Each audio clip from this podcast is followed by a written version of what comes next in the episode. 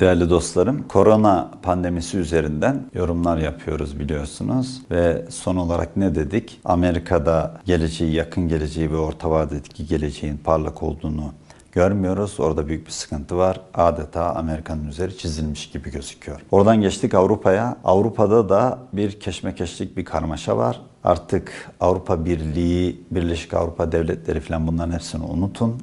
Herkes kendi başının derdine yanmış durumda. Ve düşünebiliyor musunuz siz İtalya'da İtalya'nın yalnız bırakılma ölçeğini göstermek için söylüyorum. İtalya Avrupa'nın göbeğinde kurucu devletlerden bir tanesi ve İtalya'ya yardım ta neredeyse 15 bin kilometre ötedeki Çin'den geliyor. Yani bunları hiç kimse unutmaz. Zaten bunları hatırlamaya kalktığı zaman iki tane dünya savaşı akıllarına gelir. Oradan da birçok geçmiş hatıraları canlanır ve bu tür geçmiş acı tecrübeler geleceğin kolay olgunlaşmasına vesile olmaz. Peki Asya'da durum ne? Yani Çin, Rusya'da durum ne? Şimdi buranın kısa da olsa bir tahlilini yapmadan önce bir hatıramı nakletmek istiyorum. Ben zaman zaman e, fırsat buldukça devlet ve hükümet başkanlarının başkanlık seçimlerinde yapmış oldukları konuşmaları dinlerim. Çünkü o konuşmalarda o ülkenin vizyonunu ve o ülkenin nereye gideceği, nereye gideceğini, ülkeyi nasıl dönüştüreceğini anlatır liderler. Mesela geçmişte Amerikan devlet başkanı seçimlerinde Obama'dan tutun da ondan öncekileri ve sonrakileri Trump'ın falan konuşmalarının neredeyse tamamını dinlemişimdir. Ne zaman olduğunu hatırlamıyorum. Epey bir zamanda İsrail Başbakanı Netanyahu'nun bir konuşmasını izlemiştim. Sağlıkta, İsrail'de sağlıkta dönüşümü anlatıyordu. Diyordu ki biz bunu bütün İsrailler için yapabilmiş mi, yapmış mı yoksa bir kısım için miydi? Tam onu hatırlayamıyorum. Biz dedi elektron bi biyolojik çipler takıyoruz ya da akıllı sistemler geliştirdik. Kişi evde diyelim ki bu sistemin bir parçası evinde rahatsızlandı. Rahatsızlanır rahatsızlanmaz o elektronik olarak çip üzerinden hemen bir merkeze bilgisayar programı haber veriyor. Diyelim ki kalp atışları değişti. Kalp atışlarının değişimi o merkezden takip ediliyor. Belli bir sınırı geçince hemen doktoruna otomatik olarak haber veriyor sistem. Diyelim ki işte Avi'nin şu şeyleri e, değerlerinde sıkıntı var. O kalp atışları krize doğru yaklaştı. Hemen yeni sistem otomatik olarak bir hastaneye ayarlıyor. Oraya en yakın ilgili doktorlara haber veriyor. Ambulansa söylüyor. Otomatik olarak geliyorlar. Adamın daha ne olacağını bilmeden kişiyi evinden alıyor. Daha yoldayken yine bütün gereklilikleri eğer ameliyatsa ameliyat odası ile ilgili olan gereklilikleri hepsini sistem organize ediyor, haber veriyor, arıyor, yönlendiriyor ve kişi ameliyathaneye vardığında zaten bütün sağlık geçmişini, her şeyi ve ne yapılması gerektiği de doktorun önüne düşüyor. Doktor onlara bakıyor ve müdahalesini yapıyor. Demişti ki o konuşmasında Netanyahu, ben dedi bunu Çin Devlet Başkanı'na Jinping'e anlattım dedi. Ve bana dedi ki bunu Çin'e de kurun. Aynısını ben Çin'e de istiyorum dedi. Ve bunu Netanyahu gülerek bulunduğu kitlelere anlattı. Şimdi buradan nereye varacağım? Çin devlet başkanı böyle büyük bir dönüşüme yatkın, açık bir insan. Bu demektir bu. Yani böyle büyük, büyük bir dönüşümü yapmaya meyyal.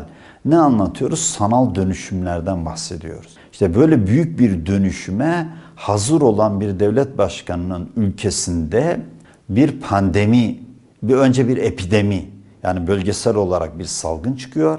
Bu pandemiye yani küresel boyutlara gidiyor. Onu kontrol altına alıyor. Bundan sonra öyle anlaşılıyor ki orada bu dönüşümü sağlayacak büyük yatırımlar göreceğiz. Ama burada başladı, bütün dünya buradan yayıldığı için de Amerika işte Çin virüsü dedi, diplomatik sıkıntılar çıktı.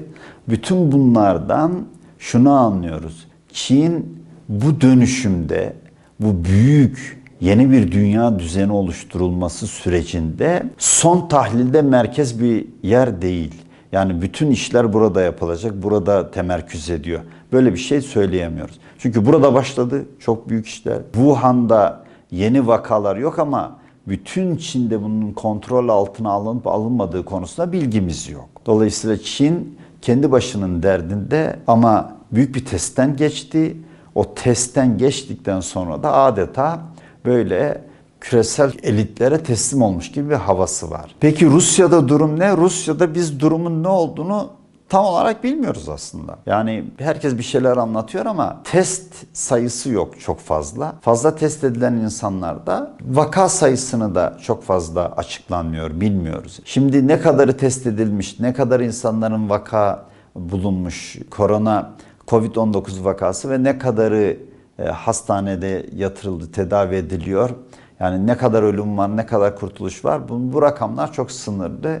Çok da ne olduğunun bilincinde değiliz. Ama zaman zaman Rusya Devlet Başkanı Putin'in yani bunun bir büyük dönüşüme vesile olarak kullanılmaya çalışıldığına dair yorumlarını da okuduk. Yani böyle bir şeyleri, böyle bir temkinli yaklaşımları var Rusların. Ama İran'a bakıyoruz. İran'da da çok büyük bir işte hafife aldık, şey yapmadık, ciddiye almadık falan diyor.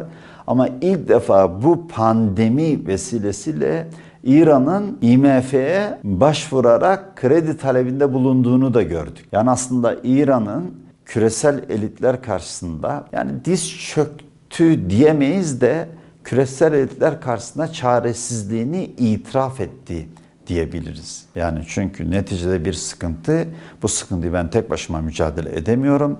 Çok büyük bir mücadele içerisindeyim. Onun için benim maddi imkansızlıklarımdan dolayı bu kadar yapabiliyorum.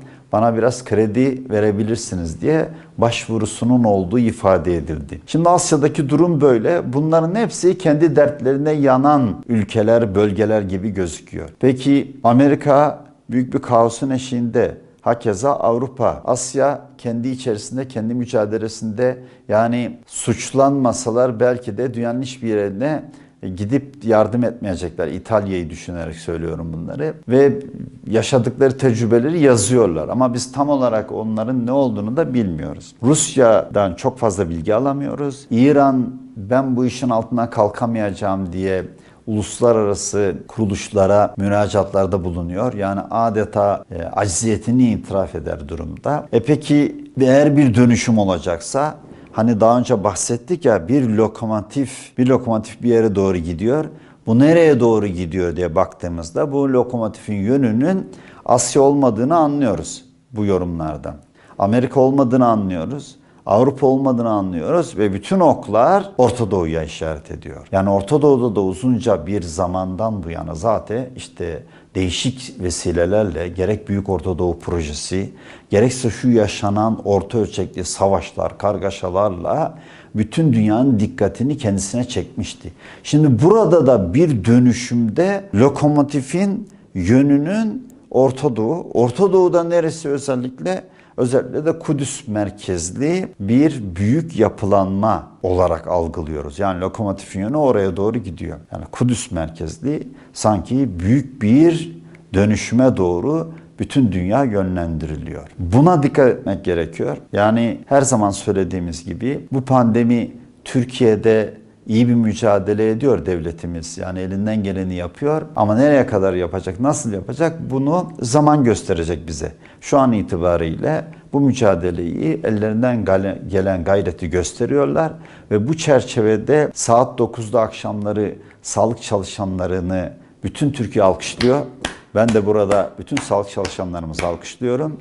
Sadece onları değil, sadece sağlık çalışanların yetmez. Ben başta askerimiz olmak üzere bütün güvenlik güçlerimizi, askerimizi, polisimizi ve diğer bütün güvenlik güçlerimizi de alkışlıyorum. Çünkü onların eğer e, kontrol altına alma, emniyet sağlama kabiliyetleri olmasa bugün bu pandeminin altından ne e, tıbbi yani doktorlarımız kalkabilir ne de hükümetimiz kalkabilir. Bunları gerçekleştirdikleri için bütün bu kesimleri alkışlıyorum. Tabii bir alkış da bütün eğitim camiasına olsun diyeyim. Çünkü bu insanları evlerine oturtturuyorsunuz.